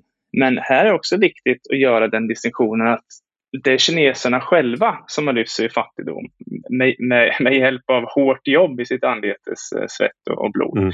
För att tidigare har man levt under kommunistpartiets ok, under Mao Zedong framförallt, och då fick man inte, var man tvungen att, att, att leva och verka i en folkkommun där man svalt ihjäl om, om man hade otur. Och då kunde man liksom inte då kunde man inte eh, ägna sig åt företagande och ackommodera den här, den här rikedomen. Då. Så att, eh, det är ju kinesiska folket själva som har gjort det och inte eh, kommunistpartiet. Om vi tittar närmare på andra länder i regionen, Taiwan där jag bor, mm. titta på Singapore. Ah, Singapore är inte det bästa exemplet, men Taiwan där jag bor, eh, Sydkorea, Japan. Då har mm. du alltså samhällen som har haft en, eh, en liknande startpunkt som Kina både Taiwan, och Sydkorea och Japan hade ju i princip någon gång jämnats med marken vid eh, mitten av 40-talet eller början av 50-talet. Mm. Eh, och ändå så har de här länderna byggt upp en rikedom som är mycket större än Kinas om vi räknar i eh, eh vad heter det nu, BNP på svenska per capita. Och eh, dessutom har man samtidigt utvecklat ett välfärdssystem, demokrati, fungerande institutioner så Kinas tillväxt, eh, som jag säger, tillväxtsaga är inte så fantastisk som myndigheterna och regimen alltid försöker ge sken av, utan det är bara för att det handlar om så otroligt många människor som det kan framhållas som fantastiskt. Men andra länder som Japan, Taiwan, Korea, de har från en liknande startpunkt uppnått ett högre, en högre grad av vällevnad eh, och dessutom då även gjort en politisk förändring. Så, att, så det, det, så det, så det du vill säga är att man inte behöver en kulturrevolution för att uh, gå från fattigdom till lite mer, mindre fattigdom? Ja, alltså Kinas kommunistparti, Kinas regim är inte en förutsättning för det kinesiska eh, folkets eh, ekonomiska välstånd. Tvärtom så har de ofta varit och fortsätter att vara ett hinder. Mm. Jag tänker, jag vet att du är en upptagen man så vi ska gå vidare också. Men jag tänker, du, du är Taiwan nu och Taiwan är ju, har ju, var ju en, alltså det har varit en del av Kina men efter inbördeskriget mellan Mao Zedong och Chiang Kai-shek som då ledde eh, nationalistpartiet eh, och de var den förlorande sidan. Då flydde de till Taiwan och så då är det liksom två Kina så att säga. Eh, så Taiwan är lika kinesiskt som Kina egentligen. Och då, det finns liksom en historia där som är lite Nord och Sydkorea liknande. Men mm. nu, liksom Taiwan, om jag har förstått saken rätt, många, de flesta taiwaneser är inte så supersugna på att uppgå i Kina och särskilt inte nu när de sneglar på vad som sker i Hongkong och den repression som tilltar där. Det har funnits olika linjer i Taiwan och i liksom olika perioder i relationen till fastlandskina. Men nu den senaste tiden så har, det ju, har den det som har varit har förändrats ganska drastiskt. Kan du beskriva vad som har hänt de senaste åren och, och vad som sker bara den absolut senaste tiden nu i Taiwan? Med liksom att, Absolut. Ja. Absolut. Eh, det här är en väldigt uh, komplex fråga givetvis, men bara som en kort uh, komplementering av den uh, bakgrunden som det gav historiskt. Så att Taiwan var ju också en, en diktatur fram till slutet av 80-talet. Man hade undantagstillstånd och, och, det var liknande protester i Taipei som vi såg i Peking. Men istället för att skicka ut stridsvagnar och automatvapen så beslutade sig den taiwanesiska regimen för att lyssna på studenterna och gradvis mm. införa demokratiska reformer. Så här hade man sitt första presidentval 1996 och sen eh, har man sedan dess varit en väldigt välordnad demokrati med mycket högt eh, röstdeltagande och där eh, institutionerna fungerar väldigt, väldigt bra. Kommer regelbundet högst i rankingar i Asien vad gäller demokrati, transparens, pressfrihet, möjligtvis någon gång tillsammans med Japan och Sydkorea. Sådär. Mm. Och eh, samtidigt så har ju utvecklingen, för att uttrycka det milt, gått sett helt annorlunda ut i, i Kina då. Och eh, som, som du nämnde så fanns det ju två Kina då till en början. Men eh, Taiwan som tidigare eh, gick under eh, namnet Republiken Kina eh, i motsats till Folkrepubliken Kina, som man fortfarande har som officiellt namn då, eh, här på Taiwan, Folkrepubliken eh, Kina. Nu har man istället börjat anamma en taiwanesisk identitet för att den nya unga generationen har inga band till Kina överhuvudtaget. Mm. Den äldre generationen, ja de kanske var födda och uppvuxna i Kina, de har kvar sina släktingar där de är liksom lite, lite nyfikna på uh, vad som händer i Kina och känner att de har en kinesisk identitet. Medan den nya generationen, den, den, den unga generationen, nya befolkningen här, uh, de har istället lärt sig att värdera helt, ett helt annat levnadssätt, en helt annan personlig frihet än vad man någonsin kan ha i Kina. Så att uh, Taiwan, har, Taiwan och Kina har så att säga vuxit ifrån varandra mm. allt, allt längre. Och det här sammanfaller då med att Xi Jinping tog makten och Eh, Eh, en mycket mer utrikespolitiskt aggressiv kinesisk ledare än vad vi har sett på mycket länge, kanske någonsin. Och eh, för honom så eh, har han flera gånger uttryckt att det finns ett eh, det är ett projekt i sig som han ska slutföra. Han ska förena hela moderlandet. För i Kina så ser man ju då Taiwan som en utbrytarprovins. Och Eh, då vill han gå till eh, historien. Att eh, Mao Zedong var den som enade Kina. Deng Xiaoping var den som gjorde Kina rikt och Xi Jinping ska då bli den som för samman hela moderlandet, som tar tillbaka Taiwan till, till Kina. Så det här är hans personliga prestigefråga som han investerat mycket politiskt kapital i. Mm. Och det här säger man ju då från kinesiskt håll att man vill åstadkomma med fredliga metoder. Man vill ha en, en så kallad fredlig återförening. Mm. Men eh, i Taiwan är man ju inte intresserad av det. För att varför ska man låta sig själv styras helt plötsligt av en diktatur eh, så som eh, en stor del av befolkningen inte känner någon, eh, någon som helst, eh, inte kan identifiera sig med på, på något mm. vis alls. Och det här har gjort då att eh, Kina börjar blivit lite, lite mer otåligt. Eh, Xi Jinping, han är 68 nu. Eh, han kommer säkert styra i, i ett årtionde eller mer, men för honom så blir den här visionen om en så kallad fredlig återförening där man ska använda ett system likt det i Hongkong då, ett land, två system. Det blir allt mer avlägset för precis som du sa så har situationen i Hongkong haft en enorm inverkan på folk här i Taiwan.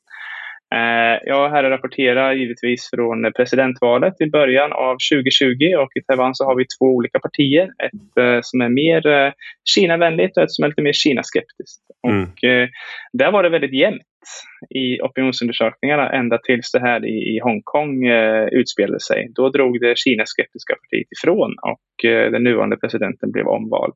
Det är en väldigt eh, viktig, viktig fråga här på Taiwan vad som händer i Hongkong. Och eh, då, då när kinesiska myndigheter har eh, förstått att det kanske inte kommer, kommer bli så lätt att eh, bringa in Taiwan i ledet med fredliga metoder då har man ju försökt eh, ta till lite mer aggressiva och hotfulla eh, metoder istället. Då. Så att eh, nu i, i år så har vi här på Taiwan haft eh, fler kinesiska eh, stridsplan än någonsin som har flugit i den här luftförsvarszonen då, som, som vi har eh, kring Taiwan. Mm. Eh, vi har också sett mycket mer aggressiva militärövningar av kinesiska stridsfartyg och eh, framförallt en mycket mer eh, bombastisk retorik från kinesiska myndigheters håll. Xi Jinping har påmint att eh, man kommer att vidta alla nödvändiga åtgärder för att eh, förena Taiwan med, med moderlandet då, som man säger och eh, man utesluter inte militära alternativ. Och eh, det här Taiwan-frågan då, som man kan kalla det, är den absolut största konfliktpunkten mellan USA och Kina. Det finns ingen annan fråga som är viktigare. Handel, glöm bort det. Mm. Eh, det, det, är det här som är det allra viktigaste för Kina. Det är den här eh, kompromisserna som man slöt om Taiwan när Kina var, var svagt. De, de kan inte hålla i all evighet därför att eh, Kina, Kinas anspråk på Taiwan blir bara mer och mer mm aggressivt. Och det här är också den fråga som mest sannolikt leder till en väpnad konflikt i regionen. Eh, antingen genom ett eh, misstag, en felkalkylering när du har kinesiska stridsflygplan som eh, flyger runt Taiwan.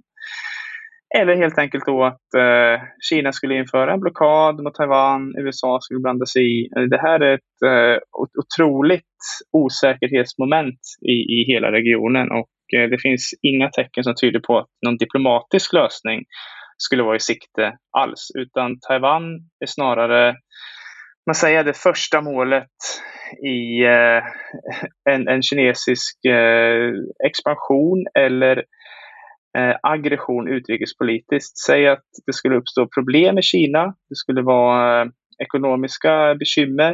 Eh, Xi Jinping hans ställning är hotad, man behöver en yttre fiende för att sluta de inre leden.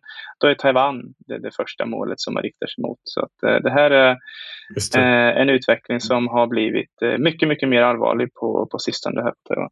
Och det här är ju såklart en petitess i sammanhanget men bara den här att man att när västerländska kändisar eller liknande pratar om Taiwan så får de väldigt hård kritik i Kina. Att det kan, vara, liksom, kan få konsekvenser för um, till exempel eh, John Cena som är då en uh, professionell, eller han är wrestler mm. och uh, skådis. Han uh, kallade Taiwan för ett land i en intervju inför uh, Fast and the Furious 9. Att det ens finns så många, ah, ja, det är en annan fråga. Och så då gjorde han en video där han pratade kinesiska. Där han sa liksom att uh, Åh, jag är så, så, så, så väldigt, väldigt, väldigt, väldigt ledsen. Och jag älskar och respekterar Kina och det kinesiska folket. Och förlåt, förlåt, förlåt, mm. förlåt, förlåt.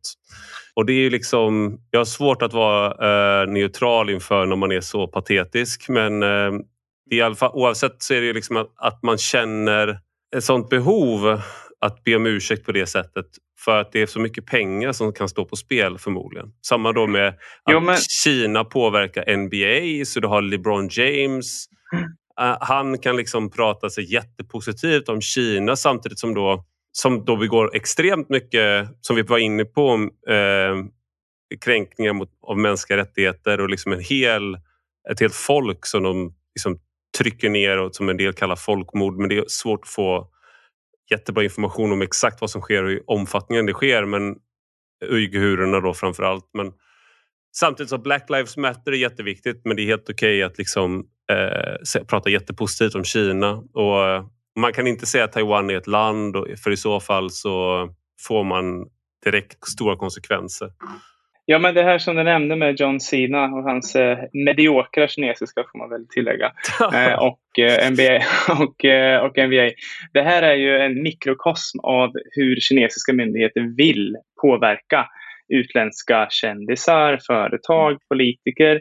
Det är väldigt viktigt att inse att Kina är en mycket mer, som man säga, farlig eh, konkur konkurrent, konkurrent för att använda det ordet istället för, för fiende, konkurrent till, till väst. Därför att till skillnad mot Sovjetunionen så har man en enorm inre marknad, eh, konsumenter, en stor ekonomi som, som man kan använda som en slags hävstång. Mm. Eh, och eh, det är på det viset som man vill betvinga eh, utländska aktörer att inte kritisera eh, kommunistpartiet utan istället ta kinesiska regimens parti.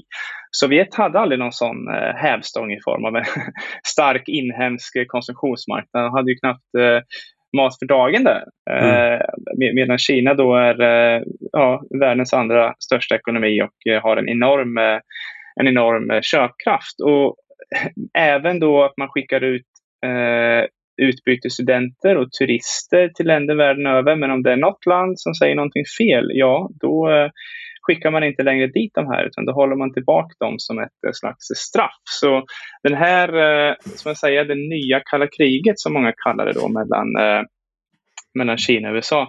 Det är inte ett krig som består av att man radar upp stridsvagnar och riktar missiler mot varandra. Det är inte en kapprustning på det sättet.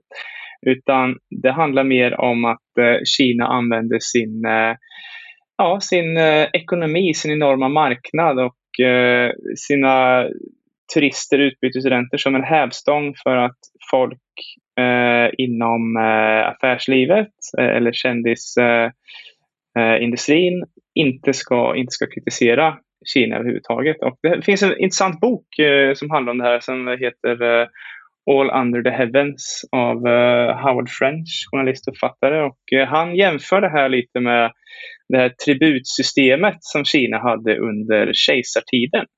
Uh, att man hade ingen stark stående armé, man hade ingen flotta. Man kunde inte, eller ja, ibland så gjorde man det faktiskt, men det var inte regel att man betvingade andra länder i regionen med främst militära medel. Utan det handlade om att man måste hålla sig väl med kejsaren i, i Peking eller, eller vart nu huvudstaden i Kina låg för tillfället. För att man vill inte göra sig osams med regionens största ekonomi för att det kommer få enorma konsekvenser. Och eh, det här har, har, en enorm effekt. Eh, bara dra ett, ett, exempel på det som ligger oss väldigt nära så kan vi titta på Norge. Mm. Eh, Liu Xiaobo, den kinesiska aktivisten, fick ju eh, Nobels fredspris. Eh, och eh, det här ledde till att eh, kinesiska myndigheter blev vansinniga på norska regeringen trots att Nobelkommittén är ju fristående och eh, norska myndigheter inte hade någonting att göra med det här. Så med mm. början 2010 så ja, norska varor hade i princip exportförbud till Kina all diplomatisk eh, kontakt nästan upphörde. Den eh, norska ambassaden i, i Peking stod tom, eh, inte, inte, tom på norska diplomater, men man fick aldrig några inbjudningar, man fick aldrig några besök, utan man hamnade i den diplomatiska frysboxen, då, så att säga. Mm. Och eh, eh, Kina minskade också, eller slutade skicka turister och utbytesstudenter. Och Kina har också enorm tyngd i internationella organisationer som man har tagit mer och mer eh, kontroll över, så man, man kan använda sin diplomatiska tyngd där för, för att utöva hämnd också. Och det här ledde ju då till att eh, eh, norska myndigheter till slut, då, i, i, slutet av 2016, så eh, reste norska utrikesministern i, i, hemlighet faktiskt först till Peking. Det var inte många som visste att han var där och sen helt plötsligt så dök han upp tillsammans med en, en hög tjänsteman på, på Kinas utrikesministerium och eh, viftade med en så kallad eh, gemensam diplomatisk skrivelse mm. där Norge bad om ursäkt för vad som inträffat och i den här skrivelsen så stod det att eh, Nobelpriset ska aldrig ges till en kinesisk aktivist igen. Vi förstår att det här är känsligt. Vi eh, respekterar eh, Kinas utvecklingsmodell som har lett till så stor framgång och det stod till och med att vi respekterar Kinas eh, suveränitet och territoriella krav, vilket innebär att ja, men Norge skrev egentligen på Kinas anspråk på, på Taiwan och stora delar av Sydkinesiska havet. Så det här är den makt som man utövar. Man försöker inte få andra länder, eh, kändisar, företag att lyssna genom att man vänder en gevärspipa mot dem, utan man hotar med sin stora inre marknad, eh, med sitt ekonomiska inflytande och diplomatiska inflytande. Det är fruktansvärt eh, obehagligt. Det finns ett till exempel som jag läste bara häromdagen och det var den här filmen av eh, Quentin Tarantino som kom för ett par år sedan, Once upon a time in Hollywood, som är då en kontrafaktisk historieskrivning eh, på 60-talet, eh, eller är det 70-talet? bland annat med Charles Manson eh, är, är med i, eh, i liksom, fast då förlorar i den här, nu spoilar jag. I alla fall den stuntmannen som spelas av Brad Pitt och han är då stuntman till, till eh, filmstjärnan som Leonardo DiCaprio spelar. Han bakom kulisserna så möter han Bruce Lee eh, som spelas av någon skådis. Och då så har de en, eh, ett slagsmål där för Bruce Lee påstår att han är liksom oövervinnerlig då i, i den här filmen. Och då så utmanar då Brad Pitt honom bara nej, nej det är du inte. Liksom. Och eh, så, så spöar han Bruce Lee. Och eh, det är liksom det är, det är, det är inget så ultravåld eller någonting utan det är bara sådär det, eh, det är bara en liksom kontrafaktisk liksom händelse av någonting som förmodligen aldrig har skett.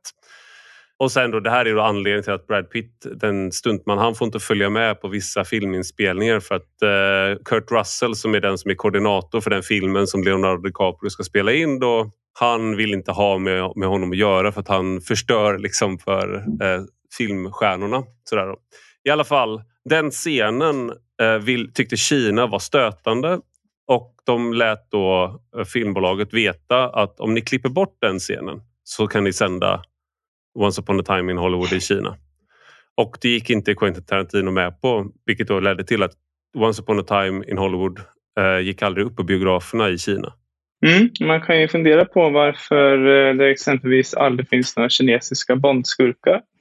Eh, eller varför det är väldigt eh, sällan, om man jämför med eh, exempelvis Sovjet, då, som ofta sovjetiska personer som fick spela antagonister i, olika slags filmer. Var, varför framställs aldrig kinesiska karaktärer på något negativt vis. Det kunde man, man kunde fundera på det senaste årtiondet. Och nu kan man även börja fundera på de senaste åren varför kinesiska skådespelare får göra ja, spontana och vad som ibland ses som omotiverade inhopp i eh, stora västländska produktioner. Jo, mm. men det är ju för att eh, de, de, då ska få eh, tillgång till den kinesiska marknaden. Kina har alltid haft en gräns för eh, antalet utländska filmer som får gå upp på landets biografer varje år. Jag vet inte exakt vad den gränsen ligger på idag, men jag skulle kunna tro att det är kring 25 eh, filmer kanske, 25 västländska filmer som får eh, sändas på kinesiska biografer. Och eh, du har en större möjlighet. Eh, har du en kinesisk skurk i filmen, då, då går det som för Quentin Tarantino. Då får du inte tillgång till den kinesiska marknaden. Då får du inte visas där på bio. Eh, om det däremot framställer Kina eller kinesiska karaktärer i, i gott ljus, då har du mycket, mycket större möjlighet att vara bland de här 25 eller 30 eller vad det nu var, antalet filmer som, som eh, får eh, tillstånd att visas i Kina. Och eh, Kina är, jag tror det är sedan förra året eller, eller två år tillbaka, så, så, är de den största marknaden för biljettintäkter för biofilmer. Eh, jag är inte helt säker på det här, men, men man har passerat USA. Och, om man inte har gjort det så är det i alla fall en eh, liknande storlek och tillväxten är mycket, mycket snabbare. Så det här är en marknad som eh, som alla filmbolag tittar på, sneglar på. Man vill in här och, och då är man eh, redo att göra de här eh, eftergifterna. Så det är också ännu ett exempel just i linje med det här med NBA och John Cena och, och, och vad det nu må vara. Att, eh, den makten, den ekonomiska makten och eh, i kombination med den här småaktigheten från kinesiska myndigheter att hugga på allt som, som kan uppfattas vara negativt gör att Eh, det, det framkallar just den här självcensuren som vi pratade om förut och eh, den här, eh, den här anpassningen efter kinesiska myndigheters önskemål. Det har precis kommit ut en film som heter Shang-Chi and the Legend of the Ten Rings som är då en amerikansk, den är av Marvel, den ingår i den här Marvel Cinematic Universe. Nu blir jag så här konspiratorisk och tänker på hur man har, undrar hur tankarna har gått bakom kulisserna här. Nu har den fått, den har fått bra kritik och den är framgångsrik då. Eh, och den är säkert, jag har inte sett den, jag, jag har tappat intresset för alla såna här superhjältefilmer. Men eh, ja, det, det är ett senaste exemplet på en film som då har fått eh, hyllats för sin eh, framställning av eh, liksom kinesisk kultur. Sådär.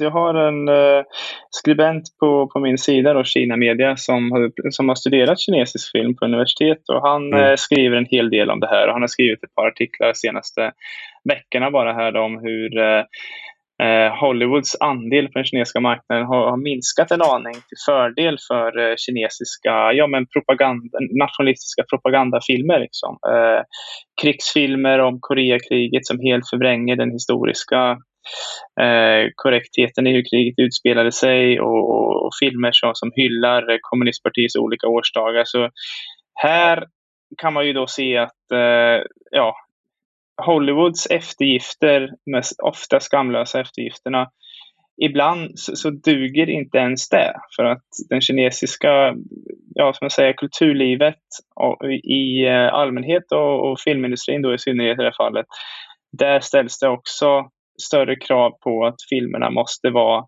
ja, men gränsat till propaganda i, i stort sett. Så att, mm. eh, ja, jag läste tidigare då att den film som har spelat in mest pengar av alla i, i, i år i hela världen. Det är då den här eh, eh striden vid eh, floden Changjin eh, som okay. I stort sett bara har visats i, i Kina. Men alla går och ser den då för att det, det är de nationalistiska stämningarna som, eh, som eh, gäller i Kina just nu. Så att eh, den propagandaaktiga krigsfilmen är världens mest framgångsrika film i år. Fan alltså, tänk om det hade funnits en miljard svenskar. Då hade vi fått fantastiska filmer om Poltava, Lützen, alltså så här, liksom, Lejonet från Norden. Det hade varit liksom den största filmen någonsin. Så där, Karl II Adolf, vilken hjälte han var. Och vad onda alla tyskar var som han slaktade. Och sådär. Spelfilm om eh, Ikea och Volvo Exakt, det hade varit liksom Ingvar Kamprad hade varit Steve Jobs. Alltså det hade varit, vi hade haft, det hade varit fantastiskt. Ja, men jag tänkte vi skulle eh, ta det sista här innan jag släpper dig och det är väl den här miljö och klimataspekten. För i ditt senaste nyhetsbrev så fokuserar du mycket på Kinas energiintensiva industri och den ökande användningen av kol. Eh, och du skrev där en sak som fick mig att haja till lite även om jag såklart har, har, visste att det var, de använde smutsig energi. Men du skrev så här. I dagsläget bränner Kina mer kol än resten av världen tillsammans och Kina är den andra största oljekonsumenten efter USA. Och det är liksom en, mm. det är en ofattbar skala på det för mig. Alltså det är lite som att man ställer sig eh, sådär intill ett stup lite sådär för att det är så kopiösa mängder det måste vara det handlar om. Och då undrar man liksom, vad är, bryr sig inte Kina om klimat, miljö någonting alls? Alltså hur, hur, kan, det, hur kan det se ut så? Det kanske är, dum, det är en dum mm. fråga, jag förstår det. Men det, det är, liksom, det är min första reflektion nej, bara. Det är, inte, det är inte en dum fråga. Nej, nej. Eh, det är inte en dum fråga av den enkla anledningen att eh, ja, när, när, många då tittar på Kina och kommunistpartiet, ja men då säger man så här, ja men titta på deras eh, modell, de tänker hundra år i framtiden, de tänker tusen år i framtiden. Mm. De uh, har inga val och de kan planera långsiktigt. Men det fungerar inte riktigt så. Och uh, det är ju klimatpolitiken en väldigt Eh, tydlig markör, ett väldigt tydligt bevis för att det inte är så. Man kan säga att det finns andra exempel som, ja, hade man haft eh, en, eh, ett styre som kan planera i hundraårscyklar, då hade man ju aldrig infört någonting som ettbarnspolitiken eller, eller det stora språnget framåt som ledde till en svältkatastrof, utan kommunistpartiet skulle jag vilja påstå ofta är de mer beroende än andra myndigheter på att leverera ekonomisk tillväxt för mm. att eh, slå vakt om sitt maktmonopol. Det är det som, eh, som, som man använder nu. Under Mao Zedongs eh, tid så använder man ideologi och eh, politiska argument för varför man skulle styra Kina. Eh, efter, sedan, efter hans bortgång så eh, har man använt ekonomisk tillväxt som argumentet till varför kommunistpartiet ska få styra Kina på egen hand. Och eh, samtidigt så har man då en eh, tillväxtmodell som eh, bygger på väldigt energiintensiva industrier. Det är inte exportmarknaden som dominerar kinesisk ekonomi utan det är betong, stål, cement det ska mm. byggas eh, otaliga kilometer av eh, snabbtåg, järnväg, eh, mängder med eh, broar varav många kanske egentligen inte behövs men det, mm. det drar eh, ekonomisk aktivitet till en viss region. Du, du ska bygga eh, mängder med, med, stora bostadshus och så vidare. Och för att man ska kunna hålla igång de här energiintensiva industrierna så krävs det eh, har alltid krävt stora mängder kol. Kina, när jag började skriva den här frågan ungefär så brukar man säga att eh, två tredjedelar av eh, Kinas energiframställning kommer från, från kol och det var ungefär för tio år sedan. Då. Mm. Idag brukar man säga att ungefär 60 procent eh, kommer fortfarande från kol. Men trots mm. att andelen har ökat så har den faktiska mängden också ökat. Eh, så, mm. Trots att andelen har minskat mm så har den faktiska mängden ökat därför att Kinas energibehov har ökat. Eh, och eh, det leder ju till då att eh, Kina är den eh, enda stora ekonomin i, eh, i världen som kan komma undan med att man har som löfte inför klimatmötet att man ska börja minska sina utsläpp från och med år 2030. Okej. Okay. Så Kina... Varför har de fått en eh, sån deal? jo, det kan, jag, det kan jag berätta för dig i, i, i stora dagar från fått en sån deal. Det är den dealen som tecknades i, i Paris 2015. Och eh, anledningen där var att hade man inte låtit Kina så att säga komma undan med en sån deal, då hade det blivit någon deal överhuvudtaget. För det var vad som hände i Köpenhamn en handfull år innan. Då blev det ingen deal alls och mycket av det berodde på att Kina, jag skulle inte säga att det är bara Kina utan det handlar också om Indien och, och en del andra utvecklingsländer, men, men framförallt Kina, de var inte villiga att eh, gå med på, no på några sådana krav alls. Då. Men eh, i eh, Paris för eh, drygt fem år sedan då kunde man sträcka sig till att man eh, börjar minska utsläppen från 2030. Och det är trots då att Kinas koldioxidutsläpp är idag större än EU och USA tillsammans. Eh, och eh, EU och USA har redan börjat minska sina utsläpp. Även fast eh, Donald Trump gick ur Parisavtalet, vilket ofta används som Kina, eh, av Kina som argument för att man är mer ansvarstagande klimataktör än USA. Även fast han gick ut Eh, Parisavtalet så har USA minskat sina utsläpp. Och det var något år, jag tror det var två år sedan, det var, det var innan pandemin så att pandemin inte påverkade statistiken. Men, men då släppte USA ut eh, mindre koldioxid än någonsin på, på 25 år. Och vi ser mm. en liknande utveckling i EU, att eh, vi har väldigt höga målsättningar och, och utsläppen minskar. Men Kina kommer återigen undan med att eh, att man då inte förbinder sig till det här. Och i, i, eh, medan vi pratas vid här idag så expanderar kolkraften fortfarande i Kina. Mm. Eh, och den kommer av allt att döma att göra så ända fram till, till 2030. Sen är det många då som säger att ja, men Kina de investerar mer än någon annan i, i förnyelsebar energi och eh, grön energi och titta vad, vad, vad bra de gör ifrån sig på den punkten. Eh, det stämmer. Men eh, samtidigt så ökar de också sin, sin kolkraft, eh, mm. sina utsläpp. Och om man då ska stoppa klimatförändringarna, då kan man inte bara titta på hur många solpaneler eller vindturbiner, eh, vindkraftsturbiner bygger ett land, utan måste man även titta på vad händer egentligen med utsläppen? Fortsätter de öka? Det spelar ingen roll hur många solkraftparker du bygger eller hur många, många vindkraftverk du bygger, utan mm. Eh, då blir påverkan ändå, ändå, ändå negativ så att säga. Eh, så det här är någonting som, eh, som säga, tack vare eller på grund av Parisavtalet så är det väldigt osannolikt att eh, Kina kommer justera den här målsättningen. Nu när klimatmötet äger rum i Glasgow, det börjar sista oktober, då kommer Xi Jinping sannolikt inte ens att vara där. Han kommer inte ens närvara vid konferensen. Mm. Och det är klart att du ställer just frågan, bryr man sig inte om klimatförändringar i Kina? Och det är klart att man, att man gör det. Men eh, de gånger som man har agerat mest skyndsamt, det är när det händer någonting som verkligen blir påtagligt. Som ett exempel då de här luftföroreningarna som vi hade i eh, Kinas större städer, Peking, mm. Shanghai, hela kolbältet. De luftföroreningarna väckte faktiskt väldigt stort folkligt eh, missnöje. Mm. Och eh, då agerade man genom att eh, ja, men man tog de här eh, fabrikerna och flyttade ut dem där det bor mindre folk istället. okay. Men utsläppen, utsläppsmängden fortsätter ändå att, att öka så att säga.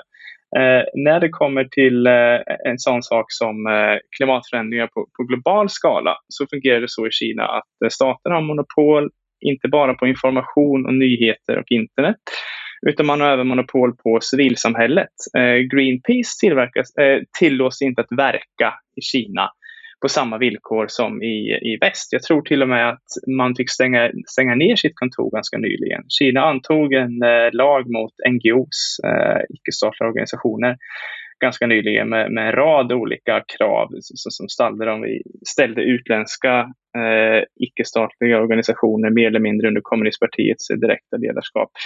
Eh, det är klart att man bryr sig om eh, klimatförändringarna men ännu mer bryr man sig om att bevara sitt maktmonopol. Och det gör det. man då på kort sikt genom att man levererar tillväxt. Eh, så man ser inte 50 år fram i tiden utan man ser några år i tiden att vi måste leverera eh, tillväxt för att behålla eh, Eh, för, för, att behålla makten då helt enkelt. Så det kinesiska kommunistpartiet är dåligt för klimatet och också för debattklimatet. Förlåt. Eh, nej, men jag tänkte en annan så sak är ju det här med att vi har outsourcat då väldigt mycket. Det här är min sista fråga, men vi har outsourcat väldigt mycket av vår produktion till Kina eh, och de, de är liksom världens fabrik. Så samtidigt som så att säga, jag ska gå in och köpa några leksaker till mina barn till exempel så kollar man och så är väldigt, väldigt mycket made in China till exempel väldigt mycket, många delar som tillverkas i, av, i liksom, av olika delar i andra industrier där, som tillverkas där det inte ens går att spåra på det sättet som det gör med en leksak till exempel eller sådär. Eller en produkt att det står Made in China utan det är bara en del i en bil eller en del i en telefon eller sådär. Men då ser det också ut som att vår egen ekonomi eh, har blivit relativt grön för att vi har inte den, eh, de, vissa av de här industrierna kvar längre hur mycket av liksom, hur mycket av det där blir en synvilla då för oss här, här i väst eller i Sverige om det är Kina som tillverkar våra saker? Mm, helt rätt. Det är en väldigt eh, komplicerad ekvation och det här är någonting som eh, man har börjat uppmärksamma nu, eh, både från eh, konsumenthåll och därmed givetvis också från näringslivet och, från politiker. Men vad som verkligen har kommit att få folk att uppmärksamma de här leverantörskedjorna det är då att just nu i, Kina så är det många fabriker som använder sig av ja, men mer eller mindre rent slavarbete då från de här etniska minoriteterna som som eh, blir inlåsta i regionen Xinjiang. Att, eh, när de har blivit... De har inte, eh, fått, de har inte ja. fått memot om att frihandel är bra och leder till frihet? Nej, Nej, precis. Utan när deras tankar har korrigerats så att säga, då skickas de ut till olika fabriker. Och nu har vi sett framförallt från amerikanskt håll men även från, från europeiskt håll att en stor motvilja till att ta emot produkter som är tillverkade av tvångsarbetare, helt enkelt tvångsarbete. Och eh, nu har man även då i EU börjat uppmärksamma det här eh, med eh, klimatavtryck. det finns i Europaparlamentet så finns politiker som just nu jobbar för en särskild koldioxidskatt. Det är då alltså att varor som kommer från länder som har en stor andel fossila bränslen i sin energiframställning, de ska helt enkelt skattas mycket högre. De ska de ska, eh, ja, kinesiska varor ska bli dyrare så då är det då konsumenten som får ta kostnaden. Men det finns ju ett väldigt eh, delikat exempel i, i det här och det är om man tittar på eh, vindkraftsturbiner som jag skrev om på, eh, på Kina Media nyligen. Då, att, eh, det här är ju ett område som kinesiska företag eh, eftersöker mer eller mindre monopol på, på grön energi. Och det gör man ju då genom att man får statliga subventioner så man kan tillverka solpaneler och vindkraftverk är mycket billigare än vad västerländska konkurrenter kan. Men samtidigt så är de här eh, vindkraftverken eh, är ju väldigt, eh, de här tornen är ju väldigt klumpiga, väldigt immobila. Mm. hundra meter höga ofta. Så när de ska plockas ihop i Kina och sen skeppas hela vägen till Europa så ger det ett större klimatavtryck än vad vindkraftverket i sig eh, genererar, genererar elektricitet. Eh, så det är klart att eh, bara det i sig är ett argument till att nej, Mm. Eh, absolut frihandel är inte alltid bra för ekonomin, politiken eller ens för klimatet. Stort tack Jojje Olsson för att du var med i Rak Höger. Ja, tack så mycket. Och stort tack till dig som har lyssnat. Detta är alltså en del av en större publikation på Substack med samma namn som podden. Den som prenumererar där får två texter i veckan utöver den här podden varje söndag. Gillar man det man läser och hör så får man gärna bli betalande prenumerant för 5 euro i månaden eller 50 om året. Och då får man också ta del av lite extra material som är exklusivt för betalande prenumeranter. Du hittar rubbet på ivararpi.se. Och har du några frågor eller synpunkter kan du alltid mejla mig på ivararpi Vi hörs om en vecka.